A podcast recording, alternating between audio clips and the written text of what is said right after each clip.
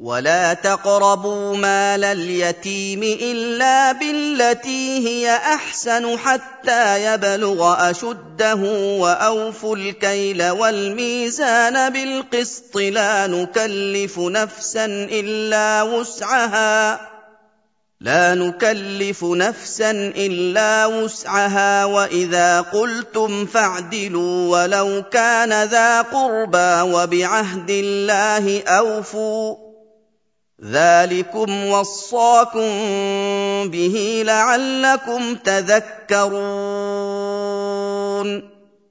Dan diharamkan bagi kalian mengusik harta anak yatim, yaitu anak yang ayahnya meninggal sebelum ia akil balik, kecuali dengan tujuan mengurus dan mengembangkan hartanya hingga ia balik dan benar-benar dewasa. Allah juga mengharamkan kalian mengurangi takaran dan timbangan Kalian harus berlaku adil dalam mengambil dan menyerahkan barang dalam transaksi jual beli. Kami tidak pernah memberikan beban kepada seseorang melainkan sebatas kemampuannya. Maka, tambahan atau kekurangan yang sulit dihindari dalam urusan penakaran dan lain-lain tidak dikenakan sanksi apa pun. Allah juga mengharamkan kalian mengucapkan kata-kata yang tidak benar, baik dalam memberikan informasi maupun kesaksian tanpa keberpihakan kepada kerabat atau teman. Dan Allah juga mengharamkan kalian melanggar perjanjian dengan Allah. Jika kalian berjanji kepada Allah atau berjanji atas nama Allah, hal-hal tersebut Allah perintahkan kepada kalian dengan perintah yang kuat dengan harapan kalian mengingat akibat yang akan diterima di kemudian hari. وان هذا صراطي مستقيما فاتبعوه ولا تتبعوا السبل فتفرق بكم عن سبيله ذلكم وصاكم به لعلكم تتقون. Dan Allah mengharamkan kepada kalian mengikuti jalan-jalan kesesatan. Kalian harus mengikuti jalan Allah yang lurus dan tidak bengkok. Karena jalan-jalan kesesatan akan membawa kalian kepada perpecahan dan menjauh dari jalan yang benar. Perintah mengikuti jalan Allah yang lurus itu adalah wasiat dari Allah agar kalian takut kepadanya dengan melaksanakan perintahnya dan menjauhi larangannya. ثم آتينا موسى الكتاب تماما على الذي أحسن وتفصيلا لكل شيء وهدى ورحمة وتفصيلا لكل شيء وهدى ورحمة لعلهم بلقاء ربهم يؤمنون Setelah memberitahukan hal-hal tersebut di atas, kami beritahukan bahwa kami telah memberikan kitab suci Taurat kepada Musa untuk menyempurnakan nikmat yang kami berikan sebagai balasan atas amal baiknya juga untuk menjelaskan segala hal yang dibutuhkannya dalam masalah agama, dan juga untuk menunjukkan kebenaran serta sebagai wujud kasih sayangnya, supaya mereka percaya akan perjumpaan dengan Rob mereka di hari kiamat. Dengan demikian, mereka akan bersiap-siap untuk menyambut hari itu dengan melakukan amal soleh.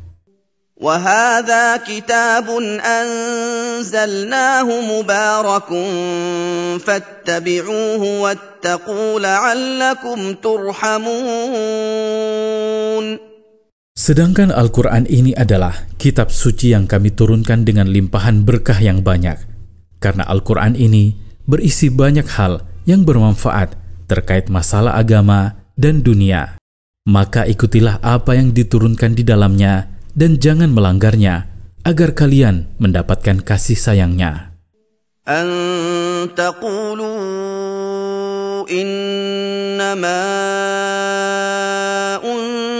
أنزل الكتاب على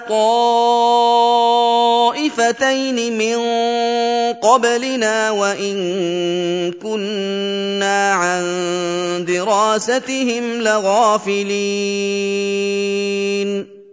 agar kalian, wahai orang-orang musyrik Arab, tidak berkata, Sesungguhnya Allah hanya menurunkan kitab suci Taurat dan Injil kepada orang-orang Yahudi dan orang-orang Nasrani yang hidup sebelum kami, dan tidak menurunkan kitab suci apapun kepada kami, dan kami tidak bisa membaca kitab-kitab suci mereka itu karena menggunakan bahasa mereka dan tidak menggunakan bahasa kami.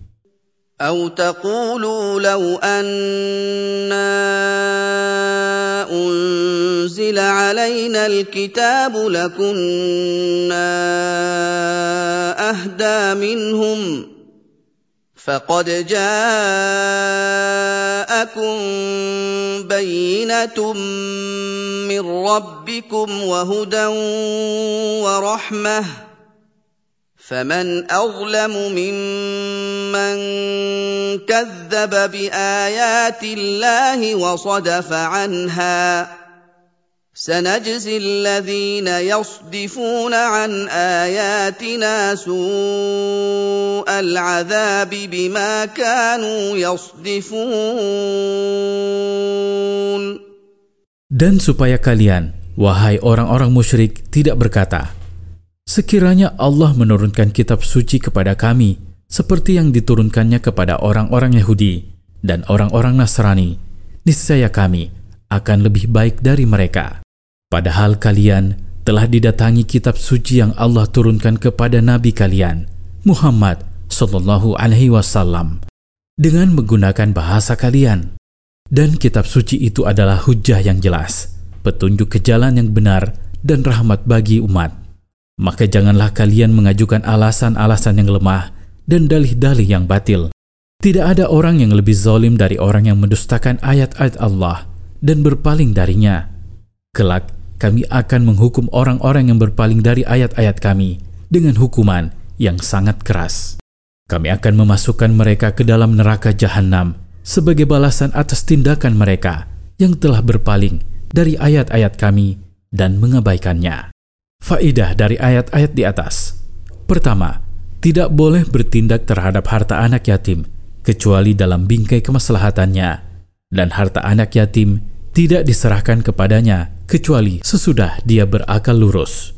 Kedua, beban-beban taklif syariat seluruhnya dalam taraf kesanggupan manusia sebagai rahmat dari Allah Ta'ala. Ketiga, hakim harus berlaku adil di antara para seteru. Keempat, Allah Ta'ala menjamin rizki seluruh makhluk.